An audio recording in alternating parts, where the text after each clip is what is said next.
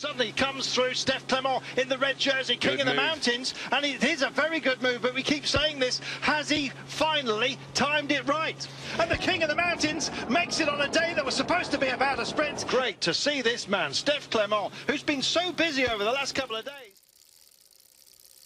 Wie werd vierde in de etappe dat Chris Froome de Mont Ventoux oprende na een botsing met een motor? Wie werd vier keer Nederlands kampioen tijdrijden en pakte de bronzen medaille op het WK tijdrijden van 2007 in Stuttgart?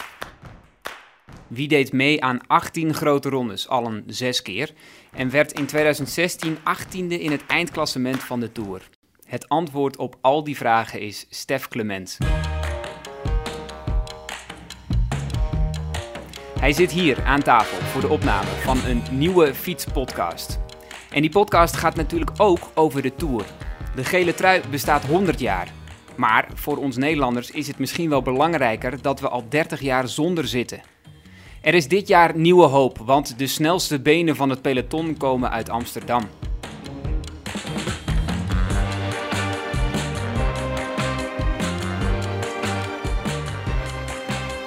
Dit is de vierde aflevering van de Fietspodcast. Een podcast van Fiets Magazine en Pro Cycling. Je luistert naar onze Tour Special. En in die special zijn te gast journalist Leon de Kort. Welkom. En oud-renner en analist tegenwoordig eh Stef Clement. Ook welkom. Ehm, normaal gesproken beginnen we deze podcast eh, met een, moment waar je wielerhart sneller van ging kloppen. Eh, dat gaan we nu ook doen, alleen dan wel gerelateerd aan de Tour. Waar verheugen jullie het meest op in de komende Tour de France? De eerste dag, want dan eh, gaan we geel pakken. Ja, daar ben je van overtuigd? Nou, daar ben ik niet van overtuigd, maar ik vind eh Dylan Groenewegen, want die moet dat dan doen in Brussel. eh, op dit moment denk ik de beste sprinter van het peloton. En ik denk dat hij zijn zinnen zo op die gele trui heeft gezet, dat het best wel eens zou kunnen gebeuren. En dan zijn we bevrijd na 30 jaar. Hè? Dat Ja. vind ik wel mooi. Ja. Ja. De Tour Special ligt hier voor ons. Jij bent eh, bij Dylan Groenewegen en zijn gezin en zijn familie op bezoek geweest in Spanje om hem daar te interviewen. Eh, dat, dat gebrande op, op die gele trui, merkte je dat toen ook al? Nou, dat toen nog niet zozeer, want wanneer was het? In, ik denk dat ik er in april al ben, ben geweest, want eh, daarna is er niet zoveel tijd meer voor Dylan Groenewegen om te praten. En ehm, hij, hij wilde er ook niet, niet alleen maar over praten, over die gele trui, want ja, dat blijft toch een dingetje. Ja. Maar je merkt wel in zijn opbouw eh, van training, van wedstrijden, van, van beleving, dat, dat, hij, dat hij er wel mee bezig is. En dat hij echt daar de focus op heeft liggen in dit seizoen. En dat, ja, alleen daarom is een, vind ik het een mooi mannetje. ja. Ja. Gaan we het straks nog verder over hebben. Eh Stef, waar, waar verheug jij het meest op? Ja, ik durf het bijna niet te zeggen, maar dat is ook de eerste dag. Eh, wel om een hele andere reden. Ik eh, had altijd als renner bij de eerste dag van een grote ronde het prachtige moment aan de start dat je om je heen keek, dat iedereen op zijn mooiste bij staat. Alle renners hebben nieuwe kleertjes aan, schone sokken, een nieuwe fiets. Alles blinkt en shined. En ik vond dat altijd zo'n magisch moment als je dan wordt losgelaten in die eerste etappe. Dan gaan we eraan beginnen. En alles wat daarna in drie weken gebeurt, is onvoorspelbaar. Maar het feit dat iedereen daar staat, op zijn allermooist, als een stel trotse pauwen eigenlijk, dat vind ik altijd een, eh, een waanzinnig moment. En die eerste etappe, want dat, dat is in Brussel, ter ere van, eh van, van Eddy Merckx. ja. Omdat hij 50 jaar geleden zijn eerste Tour won. Met overmacht. Ik geloof 18 minuten voorsprong destijds. Ehm, dat wordt meteen ook een spectaculaire etappe. Want er zitten twee beklimmingen in. De muur van Gerardsbergen en de Bosberg. En daar kunnen de Belgen meteen een bolletjestrui pakken. Ja, dat wordt, eh, dat wordt een Belgisch feest, dat lijkt me duidelijk. Zoals het ook in Nederland eh, met een eh, start van een grote ronde heel vaak is gebeurd. Ik meen me te herinneren dat Maarten Cialinghi eh, in het Giro... Ja, De de, bolletje- in, de toen- bolletjes toen, uit toen de de etappe in Arnhem, ja. geloof ik. ja, Waar hij woont. ja. Maar hoe is dat als, als renner dan? Want je, je staat daar in het startvak en, en je ziet er allemaal goed uit. Maar vervolgens is het natuurlijk eh, hectisch ook. Ja, nou ja, eh, een paar jaar geleden vertrokken we op eh, Mont Saint-Michel. En daar waait dus de wind van alle kanten daar op die dijk. En dan sta je daar met de neutrale start. En dan word je daarna het Franse achterland ingejaagd. wetende dat er windkracht 5 op de zijkant staat. En dan hoop je eigenlijk dat die dag de trend voor de hele Tour wordt gezet. Je ziet altijd dat als er op de eerste dag veel heibel is, dat duurt dat 10 dagen.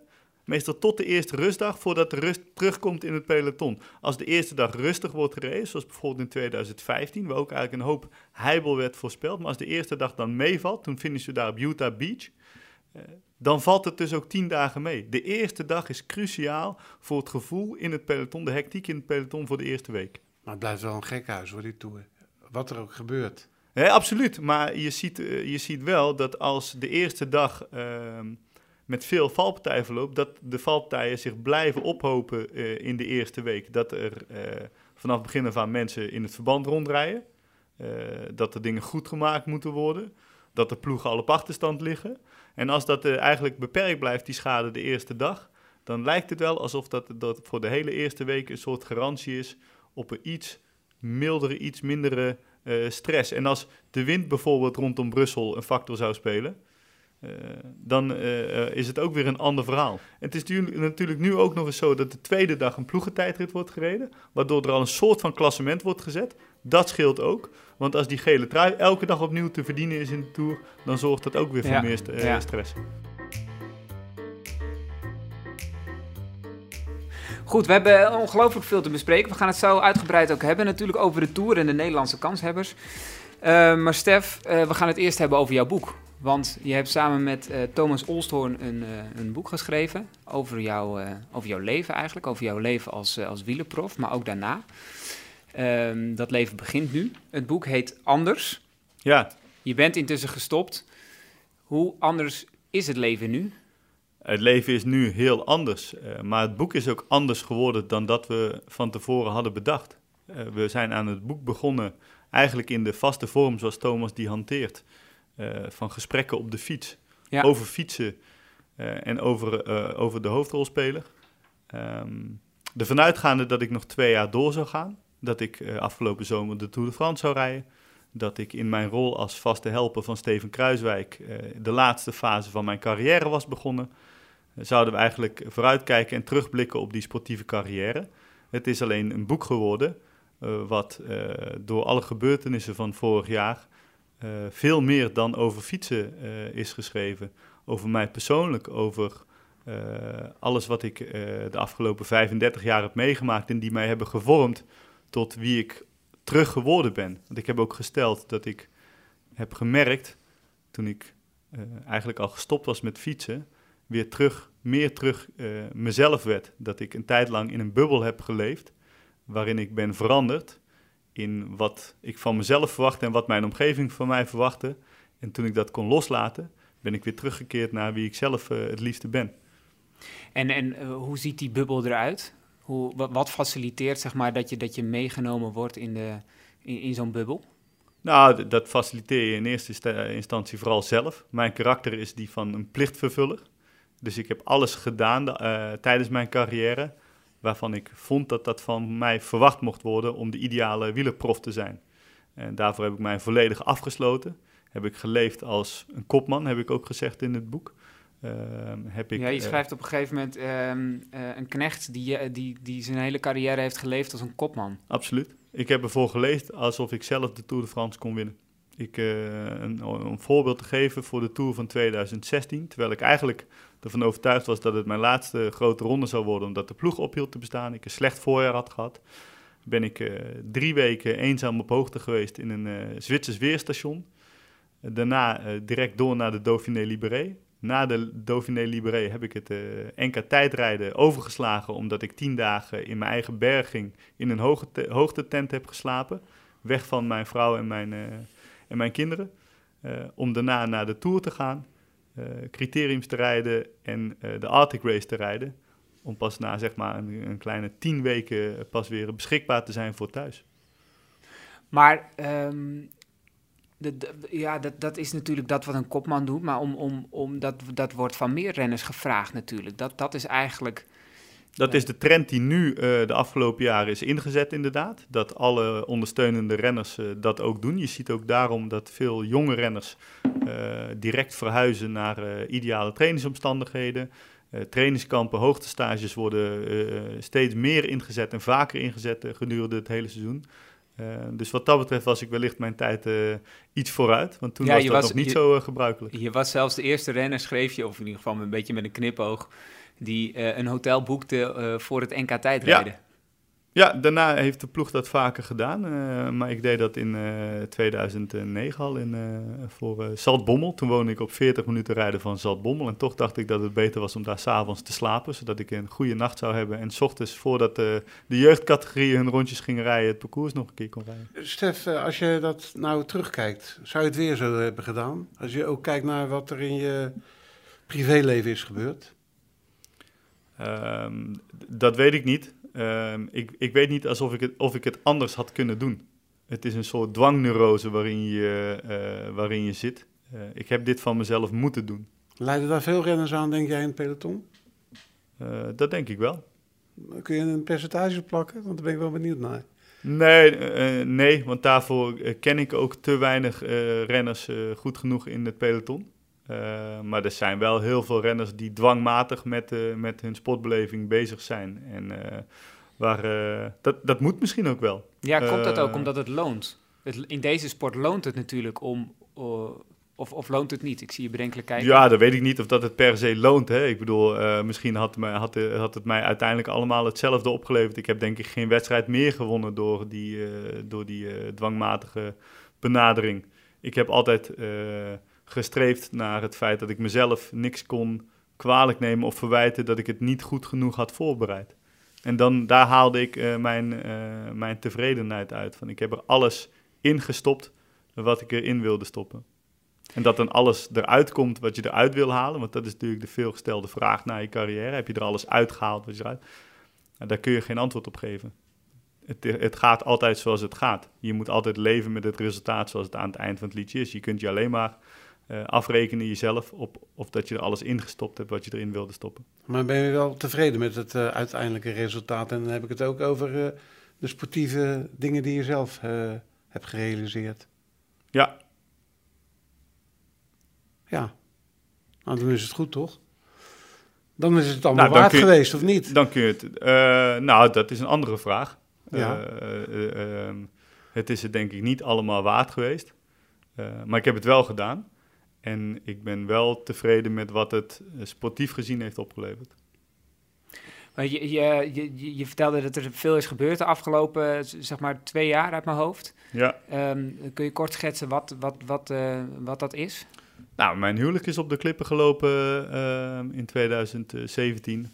Uh, wij waren al een tijd uit elkaar aan het groeien. En op een gegeven moment trek je daar dan de stekker uit.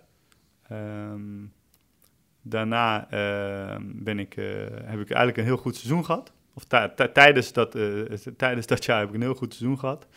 In 2018 eh, ben ik ziek geworden. Ehm, is daar een, een voorlopige diagnose opgesteld. waardoor ik ehm, uiteindelijk ben moeten stoppen met wielrennen. Dat is de, de, de ziekte van Bechterew, als ja. ik het goed zeg. Ja. Wat, wat, wat gebeurt er dan met je? Uh, ziekte van Bechterew is een uh, reumatische aandoening die zorgt voor spontane uh, ontstekingen in gewrichten. En het, het, ziektebeeld is eigenlijk dat je lichaam die ontstekingen niet herkent, waardoor die ook niet worden aangepakt. waardoor je medicatie nodig hebt die het auto-immuunsysteem van het lichaam overneemt. Om te zorgen dat die ontstekingen weggaan, omdat ontstekingen in je gewrichten zorgen voor blijvende schade in die gewrichten. Hoe, moeilijk is dat voor een, een renner als je dat hè, op het moment dat je denkt van ik ga nu uh, uh, helemaal ergens naartoe werken en ik ga er alles voor doen om, om dan tegengehouden te worden door je lichaam? Nou, ik had hier eigenlijk al, uh, terugkijkend, had ik hier al een jaar of acht, negen last van. dat kwam en dat ging. We hadden dat in 2010 hadden we hetzelfde probleem gehad. Was er alleen niet deze diagnose gesteld, omdat Zoals, zoals nu ook uh, de, de, uh, de bloedwaarde die, uh, daarop, die daar eigenlijk de, de, definitieve bevestiging op zou moeten geven, die niet geeft. Dus dat is een, een negatieve test. Um, toen hebben we dat laten zitten. Nu hebben we verder gekeken met een reumatologe. En die heeft, zoals ik al zei, een voorlopige diagnose gesteld, waardoor dat ik kan beschikken over de medicatie zoals ik die nu heb. dat is een verzekeringstechnische vraag. Ehm, en met die medicatie was ik eigenlijk, alleen om die te krijgen moet je een heel traject door. Dus daardoor kwam de tour te vervallen. Dat kost een aantal maanden om het traject door te gaan om die medicijnen te kunnen krijgen. Miste ik inderdaad de zomer. Alleen die medicatie werkt zo goed. Dat is echt, en dat wordt ook in de, in de, in de medische wereld echt als een wondermiddel gezien. Uh, had ik eigenlijk de overtuiging dat ik misschien nog wel beter zou terugkomen als dat ik was, was geweest. Dus je wilde het, eigenlijk ook weer gaan proberen. Het was een, ja, het was een verloren zomer. alleen het was geen, wat mij betreft nog geen gedane race voor de toekomst. Maar uiteindelijk ben je, ben je toch gestopt? Ben ik moeten stoppen, omdat, zoals ik heb begrepen, en dat dat is mij nooit direct verteld, maar zoals ik heb begrepen, is de medische staf van het team niet mee willen gaan in, in het. In, nou goed, in de licentieaanvraag, die eigenlijk stelt of dat jij lichamelijk voldoende fit en voldoende in orde bent, 100% betrouwbaar bent om een licentie te mogen aanvragen. Ja, er is wat blijvende schade in gewrichten aangetoond. Maar het is niet bewezen dat die zou komen door, door de eventuele reumatische aandoening. Daar hebben meerdere specialisten naar gekeken. Um, en um, ja, goed, dan wordt het een vraag of dat de medische management van een team jou groen licht geeft voor het aanvragen van een licentie. En dat is niet gebeurd. Maar kan je dan wel, als je dat had gewild, bij andere ploegen informeren of er plek is? Nou, buiten dat ik dat uh, niet per se wilde, uh, was uh, deze beslissing bij mij pas bekend begin november. Dus dan zijn alle ple plekken, denk ik, ver verdeeld. Um, en um, zoals ik zei, ik, ik had bewust gekozen voor dit team en voor deze rol binnen dit team. En daar vond, ik nog, vond ik nog mijn plezier en genoegdoening als renner. En als dat, als dat dan in één keer niet kan, dan heb ik ook de overweging niet gemaakt om bij een ander team te rijden. Nee, maar ik kan me voorstellen dat je dan daar zeer onbestemd gevoel aan overhoudt. Nou, buiten dat het mentaal niet erg handig is om zo te moeten stoppen, is het fysiek natuurlijk ook helemaal niet uh, verantwoord om zo te moeten stoppen. Uh, maar ook de manier waarop het is gebeurd. Ja, dat is niet, uh, dat is niet, dat is niet prettig. Alleen, uh, ja goed, we vinden elkaar, team en ik vinden elkaar daarin in een, in een zakelijk compromis. Ehm, zij hebben hun argumenten uh, nou, sumier aangegeven. Um, ik heb, uh, ik heb, ben akkoord gegaan met het zakelijk compromis en dan moet je met elkaar verder. En ja. dat is zoals het gaat. Uiteindelijk is het natuurlijk is het, een baan en er zit er dus een zakelijke component aan. En iedereen heeft zo zijn eigen, eigen belangen daarin. En ja, je omschrijft het als, een, als, als de nare kant van het leven, of als een nare kant van, van zo'n relatie, zeg maar. Dat je, dat je ook uh, over geld moet hebben. Ja, en dat, maar dat, kijk, dat, dat, uh, daar ben je uh, eigenlijk op de achtergrond altijd wel van bewust. Maar soms lijkt het inderdaad of dat je een jaar lang met een groep vrienden op pad bent om wielerwedstrijden te betwisten. En dat is natuurlijk heel mooi. maar aan het eind van elk jaar is er wel de vraag of dat je een nieuw contract krijgt. En aan het eind van elke maand word je betaald voor wat je doet. Ehm, ja, en dan wordt er een afweging gemaakt over het voortzetten van een carrière. En dan komt inderdaad die lelijke zakelijke kant naar boven. Want ik geloof wel dat de mensen het mij hadden gegund om door te gaan. Alleen er, ja, er wordt een andere afweging gemaakt. En daar, ja, daar, daar, daar kun je tegen verzetten.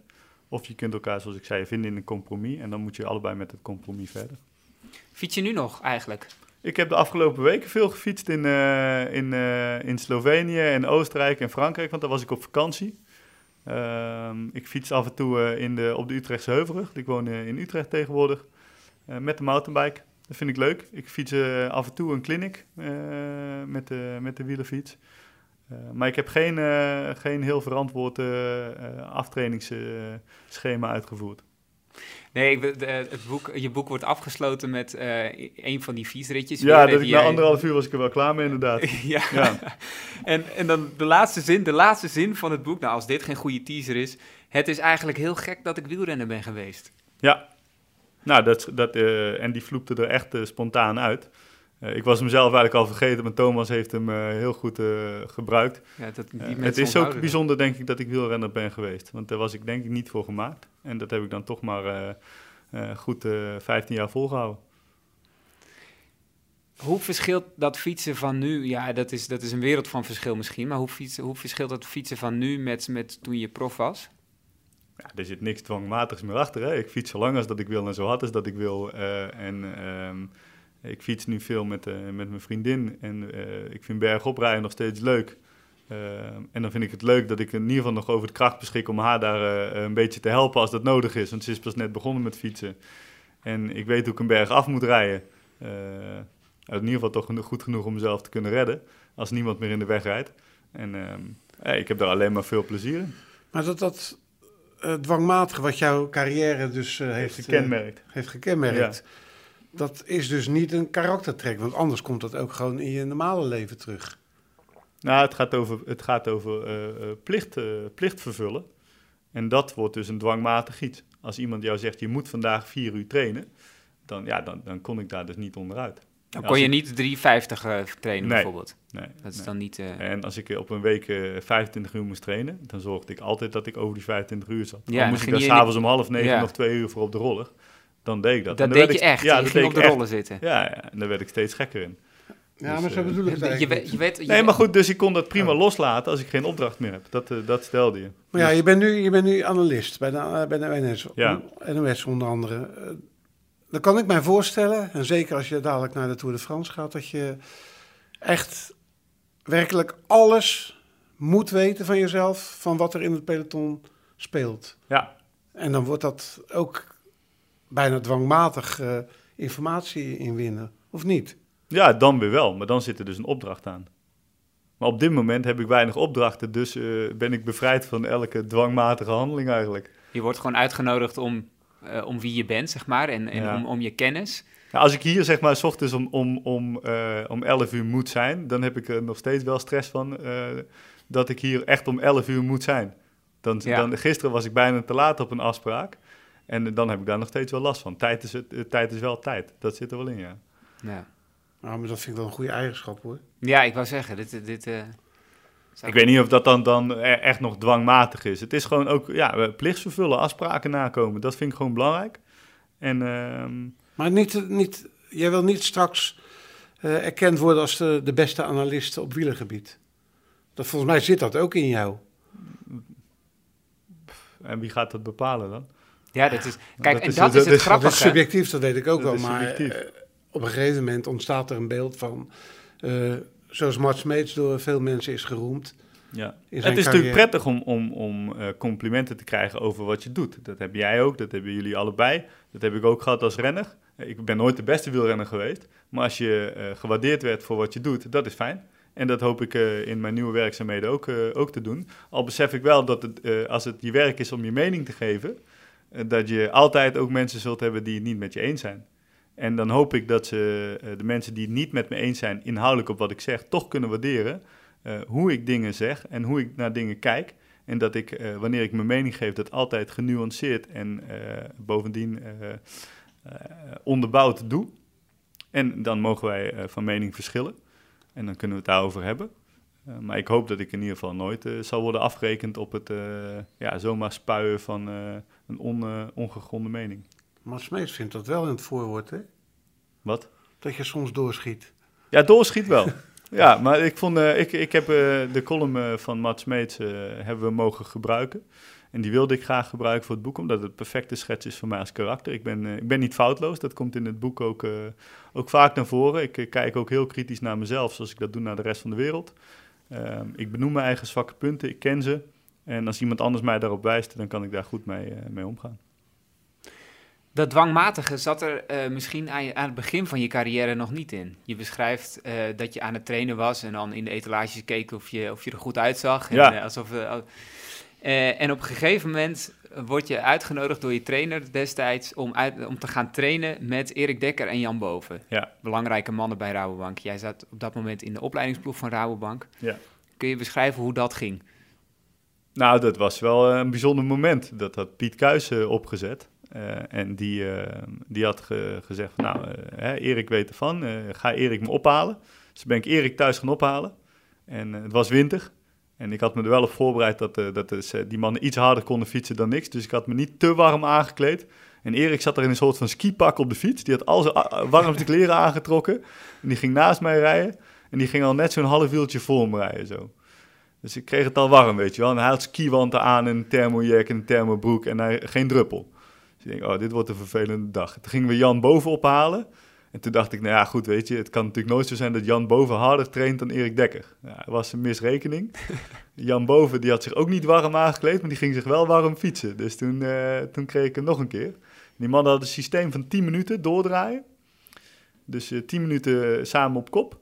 En dan doorwisselen. Dus dat betekent 20 minuten op kop als je met z'n drieën bent en 10 minuten in het wiel. Maar als ik in het wiel zat, gingen ze met z'n tweeën nog een keer zo hard rijden dat ik ook in het wiel niet kon herstellen. De jongens hebben mij afgezet in het bos op de terugweg. aan de rand van Breda. Dat was eigenlijk nog een kwartier eh, naar huis fietsen. Ben ik nog twee keer gestopt bij een benzinepomp. Volledig leeg. En het feit dat ik ze twee dagen later vroeg of dat ik nog een keertje mee mocht, toen was eigenlijk een, eh, een vriendschap geboren. Dat ze zei van kijk, we hebben je getest en je bent naar de kloten gegaan en je mag niet elke dag mee, want dan roken we je op. Maar het feit dat je zelf eh, toch nog belt om een keer mee te willen, dat, eh, dat kon Want zij waren natuurlijk ook wel bewust bezig met, eh, met die test. Zeker, Ja. zeker. Eh, wat- welke rol heeft Erik Dekker in jouw carrière gespeeld daarna? Eh, een hele mooie eh, als, eh, als raadgever. Erik is er eh, ijzersterk in om eh, één op één iemand eh, eh, te spiegelen, eh, te confronteren met zichzelf. En eh, Erik heeft een hele eh, goede kijk op eh, hoe je jezelf eh, kunt ontwikkelen. Hij heeft mij geadviseerd om in Frankrijk te gaan fietsen. Ehm, en eh, helaas is Erik eh, in het laatste helft van mijn, eh, van mijn carrière verdwenen eigenlijk uit het peloton. En ik denk dat dat een gemis was voor, voor vele jonge renners. Ehm, als ploegleider heb ik hem te weinig eigenlijk mogen, mogen meemaken om een oordeel over te vellen, maar één op één als coach.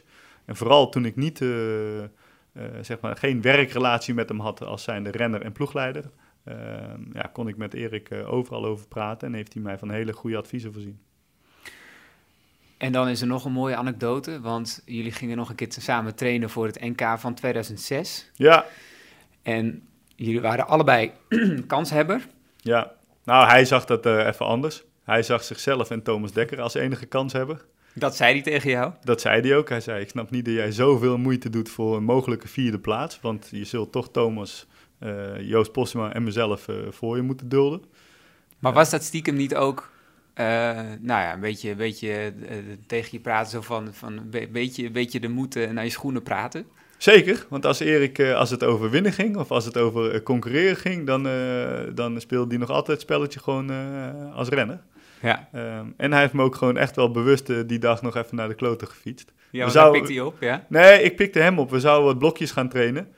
En dus ik ging op mijn gewone fiets en gewone wielen en gewoon eh, ging ik naar hem toe. En eh, toen ging de garagedeur open automatisch en toen kwam hij naar buiten gerold. Volledig op zijn nieuwe tijdritfiets die ze speciaal voor de Tour had gekregen. En volgens mij ook een helm. En hij was volledig in, eh, in trance ongeveer.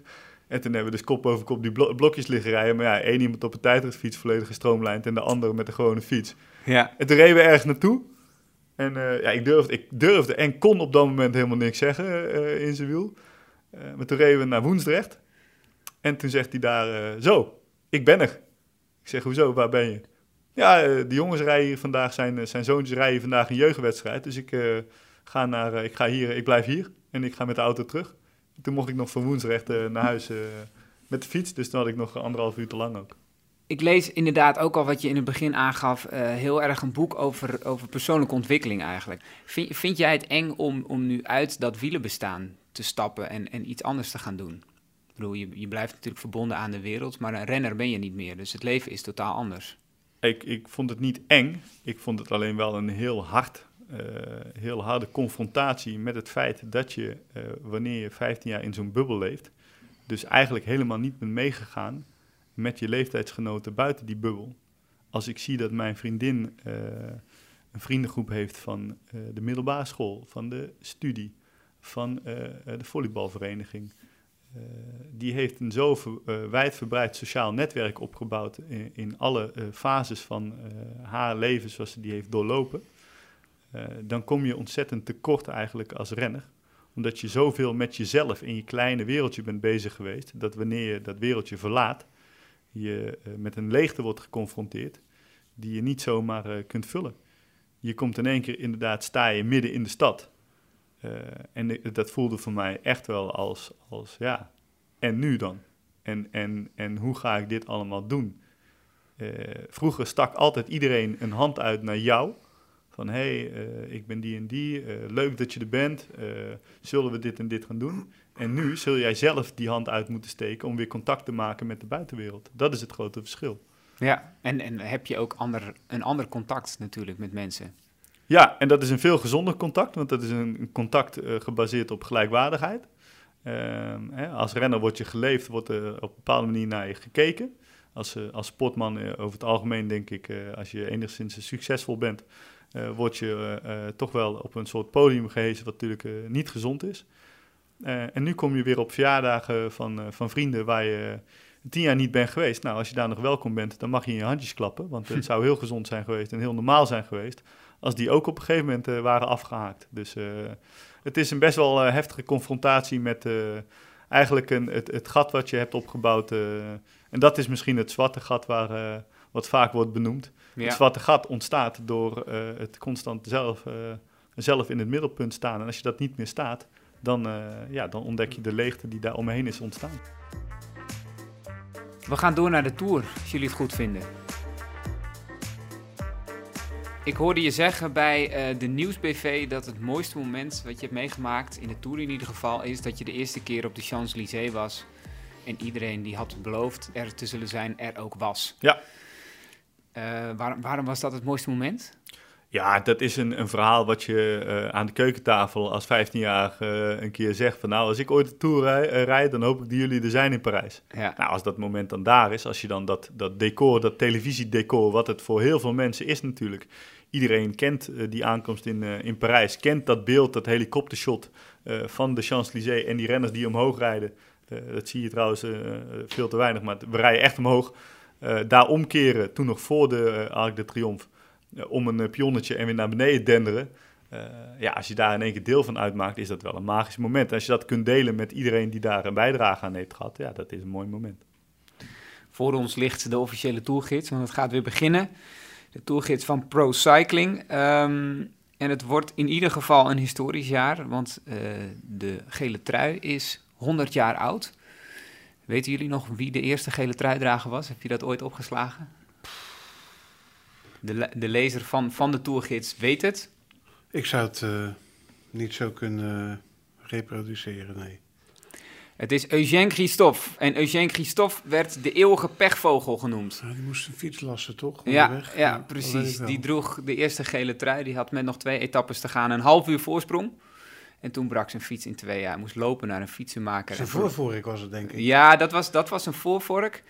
Um, en... Um, of, of dit was een fiets en, en, en zes jaar eerder was zijn voorvork al een keer gebroken. En uh, de Franse televisie heeft een prachtig filmpje gemaakt met hem... Uh, toen hij nog leefde uh, en is hij teruggegaan naar die smid en hebben ze daar dat opnieuw gedaan.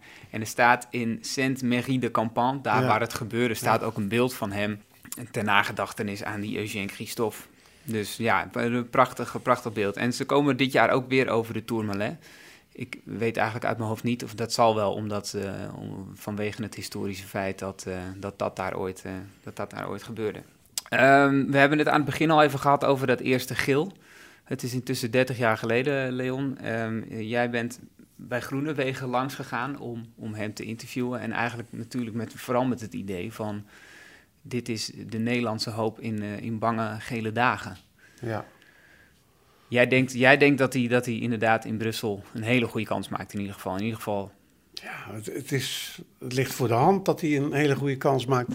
Hij is een topsprinter, het is een vlakke rit. En aan het eind van die rit uh, ligt er niet alleen de, de klaar, maar ook normaal gesproken de gele trui. En ja, ik, ik, ik denk echt ook met de, de sprinttrein die uh, Jumbo-Visma op dit, me, dit moment heeft uh, neergezet, dat daar een zeer grote kans is dat het hem gaat lukken.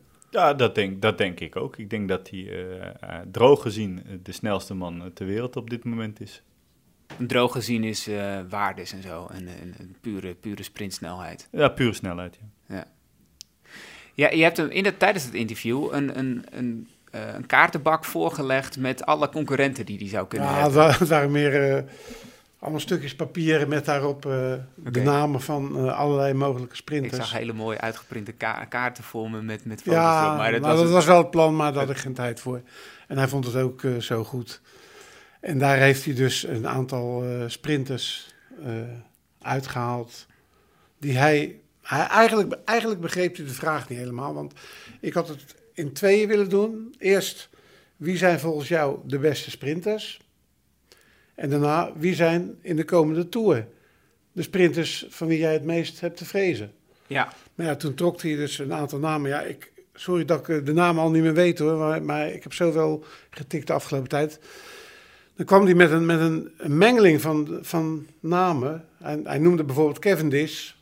En Cavendish is natuurlijk op dit moment geen ja, als een soort, concurrent uh, voor hem. Die mag je niet uh, vergeten. Uh, ja. Maar ook inderdaad. En dat op basis van zijn en, 30 ritzegers noemde hij hem. Ja. Terwijl hij dat eigenlijk op dat moment niet had moeten doen. Maar hij is dus misschien iets minder bezig met zijn directe concurrenten en iets meer met nou ja, wie, wie ooit goed hebben gesprint en, en misschien wat hij daarvan zou kunnen leren? Nou, ik vind dat hij vooral bezig is met zijn eigen sprint en met zijn eigen organisatie in de ploeg. En om het te stroomlijnen, om het nog beter te doen, om nog harder te gaan. Daar richt hij zich in de trainingen op. En niet zozeer op uh, de tactiek van uh, Alexander Christophe of Fernando Gaviria of ja. whoever. Hoe knap is het dat, dat, dat Jumbo-Visma nu die, die sprinttrein zo ongelooflijk geolied neer heeft gezet? Knap eigenlijk van Jumbo-Visma is dat ze met eigenlijk maar twee man naast uh, Groenewegen, uh, Amund uh, Grundal Jansen en Mike Teunissen, die de plaats heeft overgenomen van Timo Roos eigenlijk in dit geval, gebruik ja. weten te maken, keer op keer, van het werk uh, van die andere ploegen. En dat voorspel ik wat er in Brussel ook gaat gebeuren. Quickstep is de, is de ploeg die die koers gaat, uh, dragen. Want daar heeft team, uh, team Jumbo-Visma eigenlijk de mannen niet voorbij. Hè, want ze rijden aan de andere kant voor, het, voor een klassement en met, met klimmers. Het werk gaat opgeknapt worden door, door ploegen, hopelijk ook van Gaviria, die op dit moment sukkelt. door de ploeg van Viviani. Uh, en uh, uh, zij komen in de laatste kilometer met een eigenlijk geperfectioneerde lead-out, want meer dan dat is het niet, komen ze langs zij met de snelste man ter wereld. Maar wat we ook in het verleden in de Tour hebben gezien met Groenewegen, is dat hij dat dus ook in zijn eentje kan. Want Ja. de overwinningen die hij tot nu toe boekte in de Tour, waren niet zozeer toe te schrijven aan het perfecte voorbereiding van zijn ploeg, maar de, waren toe te schrijven aan de eh, snelheid van Dylan Groenewegen zelf. Ja, En het eh, vermogen van hem om heel goed de gaatjes te kunnen vinden. Absoluut. Positioneren absoluut. kan en die- echt. En dat positioneren, daarin wordt hij ontzettend goed geholpen eh, door eh Grundaal Jansen. De eh, ideale lead-out voor hem is gebleken eh, Mike Teunissen. Die combinatie die is, die is eigenlijk dodelijk voor de concurrentie, zo moet je het zien. Ik vind de sprinttrein van Jumbo-Visma is eigenlijk een dodelijke combinatie van het bordje leegheden van iemand anders en dan de perfecte mannen hebben om het karwei af te maken. En uiteindelijk telt alleen maar de winnaar. Eh, we hebben gezien in Duinkerken dat er iemand nog een beetje ging flipperen omdat hij blijkbaar vond dat hij de overwinning had verdiend. Eh, eh, was dan niet eh, ten opzichte van Groenewegen, maar dat ging ten opzichte van Mike Teunissen. Eh, het gaat om winnen. En eh, voor mij betreft rijdt eh, Quickstep de hele etappe rond Brussel op kop. Dat gaat ook gewoon gebeuren. ja. Eh, maar eh, op pure snelheid is hij niet te kloppen. Ik vind het wel grappig dat jij de naam van Teunissen zo naar voren haalt. Want een jaar geleden was eh, Timo Roze ongeveer de heilige man voor eh Dylan. Ja. Dat zei hij ook bij herhaling. Dat dat degene was die hem toch eh, in die finales echt naar de gaatjes hielp waar hij doorheen moest gaan. ja en, En nu is dat Mike Teunissen zomaar ineens. Ja, nou ja, dat is in het, in het eh, voorjaar ook zo benoemd dat die twee, hè, dus er zou maar één van de twee meegaan naar de Tour. Door omstandigheden, Timo heeft heel veel pech gehad dit seizoen, Ja. lang geblesseerd geweest. in Californië dan opnieuw zijn sleutelbeen gebroken. Teunissen is binnen deze ploeg eh, eh, ontwikkeld tot, eh, ja, toch op dit moment de betere van, van de twee blijkbaar. Ja, dan is een keuze snel gemaakt. En ehm, eh, ze hebben nog nooit meer overwinningen geboekt voor de Tour dan dit jaar. Dus het, lijkt, het lijkt te werken. Maar zo snel kan het dus gaan. Mike Iedereen is vervangbaar, behalve Dylan Groenewegen in dit geval. Ja, maar dus, dus zo'n zo'n sprinttrein, ja, het, het wordt toch bepaald door de overwinningen van de, van de sprinter zelf. Of je kunt zeggen, ja, ik heb een goede sprinttrein. Als je nooit wint, dan ga je niet zeggen, ik heb een goede sprinttrein. Nee, nou ja, ehm, ik kan me nog wel een jaar herinneren waarin Lotto Soudal maar eh, dag in dag uit een hele goede lead-out neerzetten. En dan kun je van die sprinttrein op zich wel zeggen van eh, dat, dat ziet er heel goed uit. Alleen het afmaken lukte toen niet. Hoe, maar even naar, want ehm eh, Jumbo-Visma ehm, eh, zich daar dan met twee of drie man tussen. Is daar als, als, als tegenstander zeg maar iets aan te doen? Dus, dus wat zou Quickstep of en maar eh, dat is dus juist het slimme.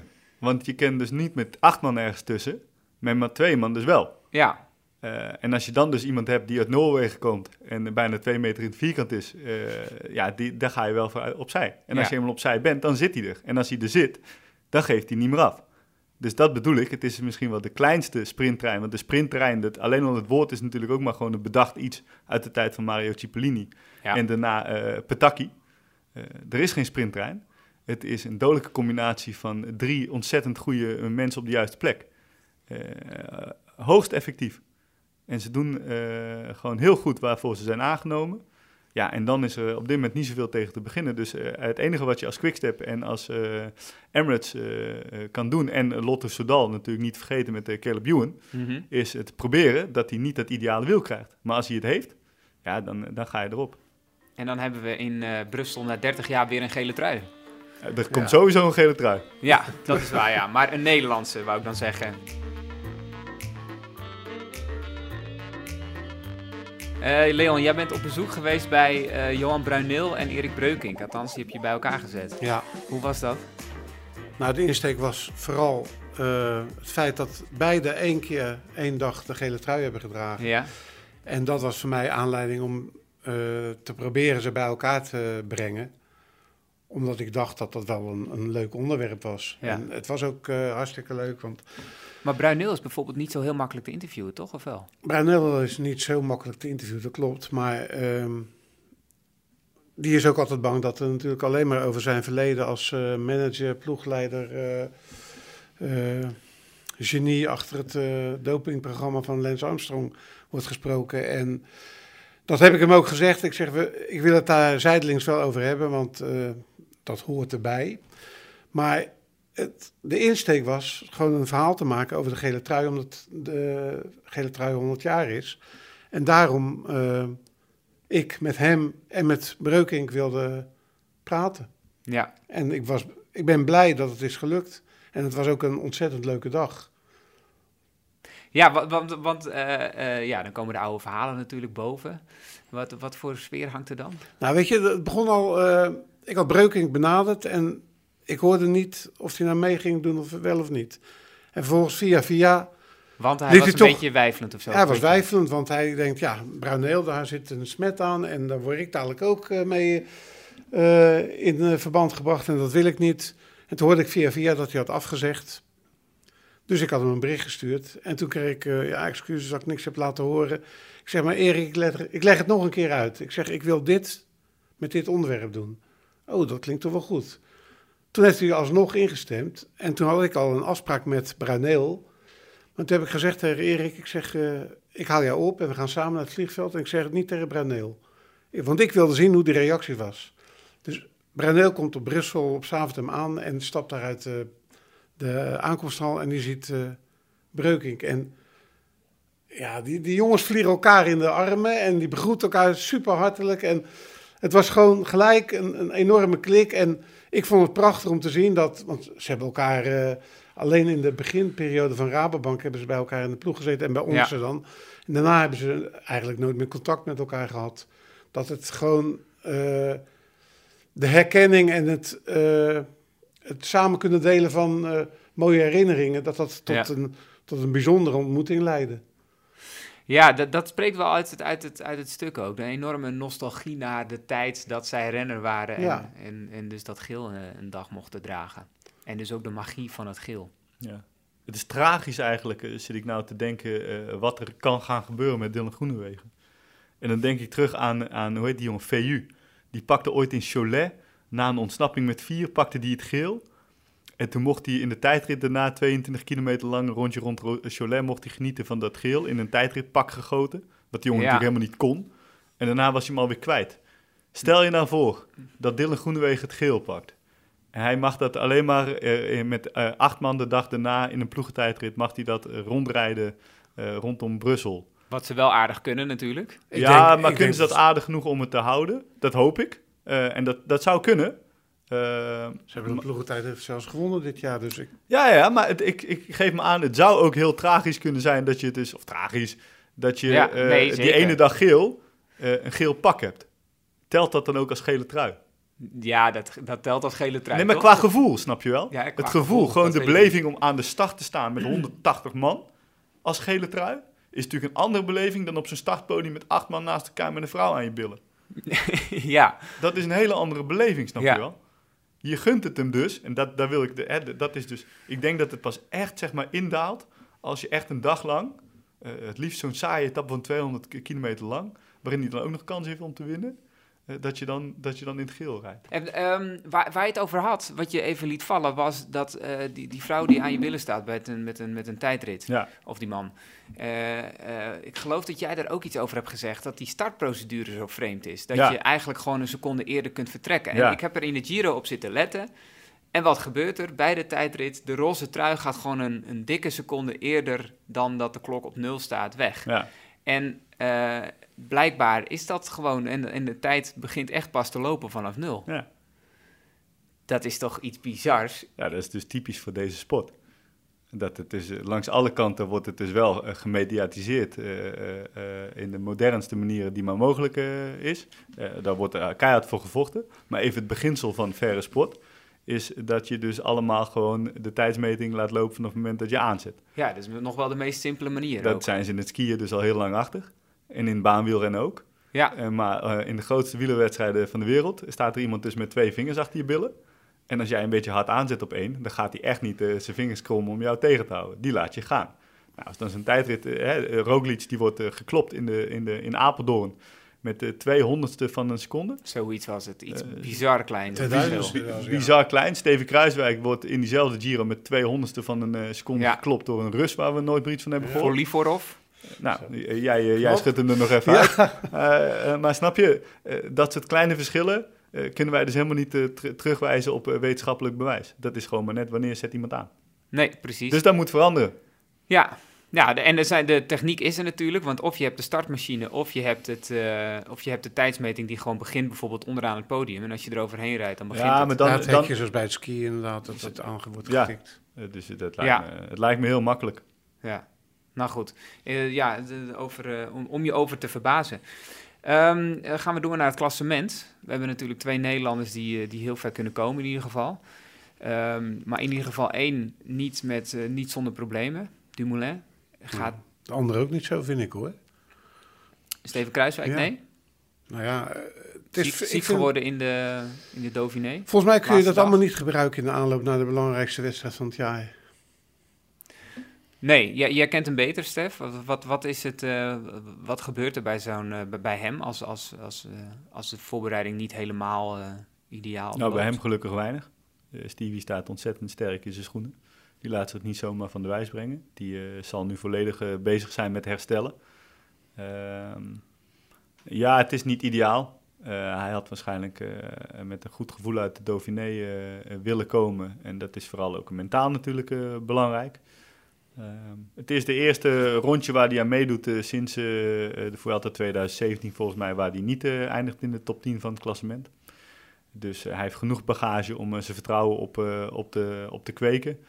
Ehm, ik weet niet wat de status fysiek van hem is. Het is niet ideaal, maar het is volgens mij geen man overboord. En de, de, de eerste echte klimmen beginnen in, in de Tour pas in de tweede week. Eh, Ja. Ja, je hebt je, één kunt keer, je, je eh, kunt je nu heel druk maken over een beetje ziek worden. Maar als je op je muil gaat in de eerste week, dan Ja. heb je daar veel meer last van Ja. dan het ziek zijn van nu. Hè? Ja. Laten we wel even reëel zijn. Dit- We zijn een, eh, nog 2,5 week voor de start. Dit moet je overkomen. En dan ga je weer verder. Als je op je muil gaat de eerste week, dan is de kans groot dat je daar de tweede week niet van hersteld bent. Je ziet wel, kijk, ehm, eh, dat is natuurlijk al veel langer aan de gang, maar klassementsrenners rijden niet zo heel veel koersen in die, in die periode voor de Tour. Ja. Dan is het vaak een hoogtestage en daaraan gekoppeld een, een rittenkoers. Eh, en je hebt nu, nou, Froome, die is het overkomen dat hij eh, zo hard is gevallen dat hij sowieso niet mee gaat doen. Thomas is gevallen. Eh, nou ja, je kunt last krijgen van, van, van ziekte. Dat is wel, dat is niet prettig natuurlijk. Dat je, dat je eigenlijk het, het enige... Ja, maar het, grappige is dat de Giro is volgens mij het beste voorbeeld, de afgelopen Giro. Dat degene die het beste was in de voorbereiding en het beste aan de start stond van die Giro, Ja. na tien dagen zoveel minuten voorsprong op zijn directe concurrenten, Primoz Roglic, Ja, dus eh, leek in de tweede helft over zijn vormpiek heen te zijn. Terwijl een grote ronde wordt toch echt pas in de tweede helft en eigenlijk dus pas op de laatste dag beslist. ja, Eh, en dan had, je, had hij het dus op te nemen tegen jongens die het hele voorseizoen nog niet hadden gepiekt. Eh, maar wel toesloegen eh, op momenten dat de prijzen verdeeld werden eh, in de hoofdmoot. Dus ehm, ja, Steven Kruiswijk had graag een goede Dauphiné gereden. En Primoz Roglic heeft fantastische wedstrijden gewonnen in het hele voorseizoen. Ehm, maar als we het hebben over het moment suprême, de grote ronde zelf, is het vooral zaak om goed te zijn op het moment dat het doet. ja. Dus volgens mij is er geen man overboord. En het is niet ideaal inderdaad. En als je op je muil gaat, net zoals uh, Vroom, dan kan je er een streep door trekken. Nou, Geraint Thomas is ook hard gevallen. Is ook allemaal niet ideaal. Maar ja, Froome die won het uh, vorig jaar, de Giro, terwijl hij uh, op de eerste de beste dag van de Giro had op zijn muil ging. Ja, ja, precies. Er is nog niks op te zeggen volgens mij. Leon, jij bent naar Kruiswijk toegegaan Mm -hmm. in Monaco. Ja. Kun, kun, je vertellen hoe hij daar leeft? Ik vind het altijd fascinerend. Uh, zo, ik, sober in een paradijs. Ja? Ja, vind ik wel. Ik vind uh, Steven, uh, Steven detoneert een beetje in, in heel die, die rijke omgeving van mensen die uh, vooral zich willen laten zien. En Steven die beweegt zich daar tussendoor en doet puur zijn ding. Zo goed mogelijk klassement rijden in grote ronden. Want dat is op dit moment zijn leven. En het is, het is prachtig hoe, hoe, hij zich, hoe, die dat doet. Uh, het is, weet je, andere Nederlanders zoals Wout Poels, die zie je daar toch ook, denk ik, wat meer genieten van dat leven. En maar Steven heeft zijn familie, zijn gezin, zijn carrière en, en daar richt hij zich op. En daarom woont hij daar, omdat het goed trainen is. En hij, hij heeft verder niks nodig. En dat vind ik, dat vind ik wel mooi. En ook die focus die hij heeft op, op zijn, op zijn uh, twee grote doelen in, in dit seizoen weer. Die, die twee grote ronden die hij rijdt. Ik, ja, ik kan er wel van genieten hoor. Ik, ik vind het mooi hoe hij het beste uit zichzelf had om toch een keer, want dat is wel een droom van hem, uh, die podiumplaatsen in een grote ronde Ja. te krijgen. Hij heeft natuurlijk vorig jaar uh, al geschiedenis geschreven door de eerste Nederlander te zijn die in alle drie de grote ronden een uh, top 5 klassering heeft behaald. En ik gun het hem ook om, om nog een stapje verder te zeggen, zetten en in de Tour, uh, misschien later anders in de Vuelta, uh, dat podium een keer te bereiken. En het is dit jaar helemaal niet, uh, de, de, ja, het is reëel, toch? Uh, als je nu bijvoorbeeld naar de top van het klassement van vorig jaar kijkt, dan heb je dus Thomas op 1, Dumoulin 2, 3 Froome en 4 Roglic. Nou, ja, Roglic zijn ze er alle vier niet. In het, in het negatieve geval. Dat zou zomaar kunnen, ja. Nee, dat zou, dat, Thomas, uh, volgens mij is een bericht van Team Sky gekomen dat hij verder geen, uh, geen groot letsel heeft. Dus nee. dat zal goed komen. Um, uh, en Dumoulin is natuurlijk ook nog maar de vraag. Ja. Die, die worstelt volgens mij. Hoe kijken jullie daarnaar? Ik krijg soms het idee dat hij nog niet zoveel trek heeft in de Tour op dit moment. Omdat nee. hij zich niet, niet senang voelt op de fiets. Niet uh, zoals hij zich uh, wil voelen in de aanloop naar een grote ronde. En hij heeft dit seizoen al zoveel tegenslag gehad. En er wordt binnen die ploeg zoveel van Tom Dumoulin verwacht. Omdat er verder ja, Michael Matthews heeft wat leuke overwinningen bij elkaar gefietst. Maar zijn naam, zijn uh, nationaliteit is natuurlijk niet uh, echt de zaken doende in die ploeg. Ze willen daar Tom Dumoulin op het voorste plan hebben. En ja, ja het is wel een moeilijk verhaal hoor. Ja, ik vond het prachtig om te horen dat hij gisteren is omgekeerd. Ja. Dat betekent dat hij dus onderkent dat hij geen machine is. dat is een menselijke kant die heeft besloten van, nou, ik ben hier nog niet, nog niet klaar voor. vorm, ik heb dat gisteren ook gezegd voor de NOS. Vorm is dus een niet-wetenschappelijk begrip. dat kun je niet in een vaste vorm gieten. Het gaat over een juiste balans tussen fysiek en mentaal ergens klaar voor zijn. Nou, eh, hij is er nog, of dat, en, en eh, door de ploeg werd een persbericht tijdens de Dauphiné verspreid. Er is fysiek geen, wetenschappelijk gezien, geen enkele belemmering voor de Tour de France te halen van Tom Dumoulin. dat kan zijn, maar het mentale component heeft er gisteren voor gezorgd dat hij is omgekeerd. En ik denk dat dat heel verstandig is. En dat is de enige manier om die balans weer, weer juist te krijgen. En als die balans op de, op de juiste moment nog in de goede, goede plooi valt, dan, dan is alles mogelijk. Want het is een buitengewoon begnadigd wielrenner. En is alles mogelijk. Maar hij moet zich nou niet inderdaad door andere mensen laten vertellen hoe Tom Dumoulin in elkaar zit en hoe hij het moet doen. Dat weet hij ondertussen prima zelf. Zou je, want je, je, je roemt zijn persoonlijke kans, zou je dat zelf kunnen, zeg maar? Zeg maar, jij was Tom Dumoulin geweest. Ja, daar gaat dus de, dwangmatige, de dwangmatigheid. ik had dus in die auto van huis tot aan het vliegveld getwijfeld wat ik moest gaan doen. En dan had het dwangmatige voor mij ervoor voor gezorgd Zoals het ook ervoor heeft gezorgd dat ik trouwens toen op hoogtestage ben gaan vorig jaar. Want ik had er al last van tijdens het verkennen van de Pyreneeën-etappes de week eerder. Toen ben ik op woensdag ben ik, volledig uit elkaar getrokken door een chiropractor. En ben ik toch op hoogte gegaan tegen beter weten in. Ja. En toen heb ik daar nog heel lang getwijfeld dat ik naar huis moest gaan. Ja. Dus uh, heel verstandig van Tom Dumoulin. Uh, complimenten uh, voor deze volwassenheid. Het is een hele volwassen keuze tegen eigenlijk wat, wat bij van die ploeg bekend is. Dat alles volgens bepaalde protocollen moet. Hij heeft het protocol door, doorbroken. Hij heeft een eigen keuze gemaakt. Nou ja, en, en daar zal hij voor moeten staan. En volgens mij is alles nog mogelijk. Ik vond het wel apart dat hij gewoon met de auto naar de Alpen is gereden.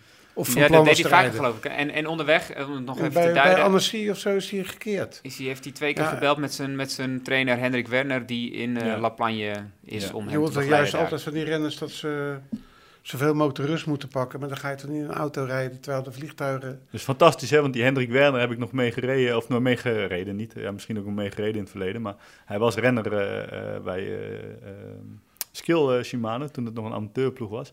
Uh, maar ik heb meegewerkt bij Jan. Toen was hij ook de wetenschappelijke uh, uh, man. dus dat is een pure wetenschapper. En die heeft hij dus blijkbaar gebeld en gezegd van...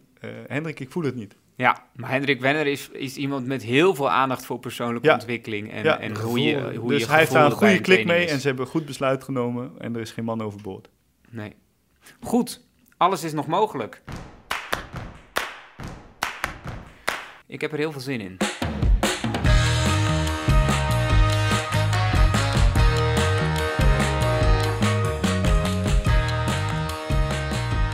Dank dat jullie hier wilden zitten. We gaan er een eind aan breien. De toolgids van Pro Cycling bestel je via tourdefrance.nl en het boek Anders van Stef Clement en Thomas Oldhoorn ligt uiteraard uh, in de boekhandel. De Tour de France van 2019 begint op zaterdag 6 juli in Brussel. En ik wil jullie, de luisteraars, bedanken voor het luisteren.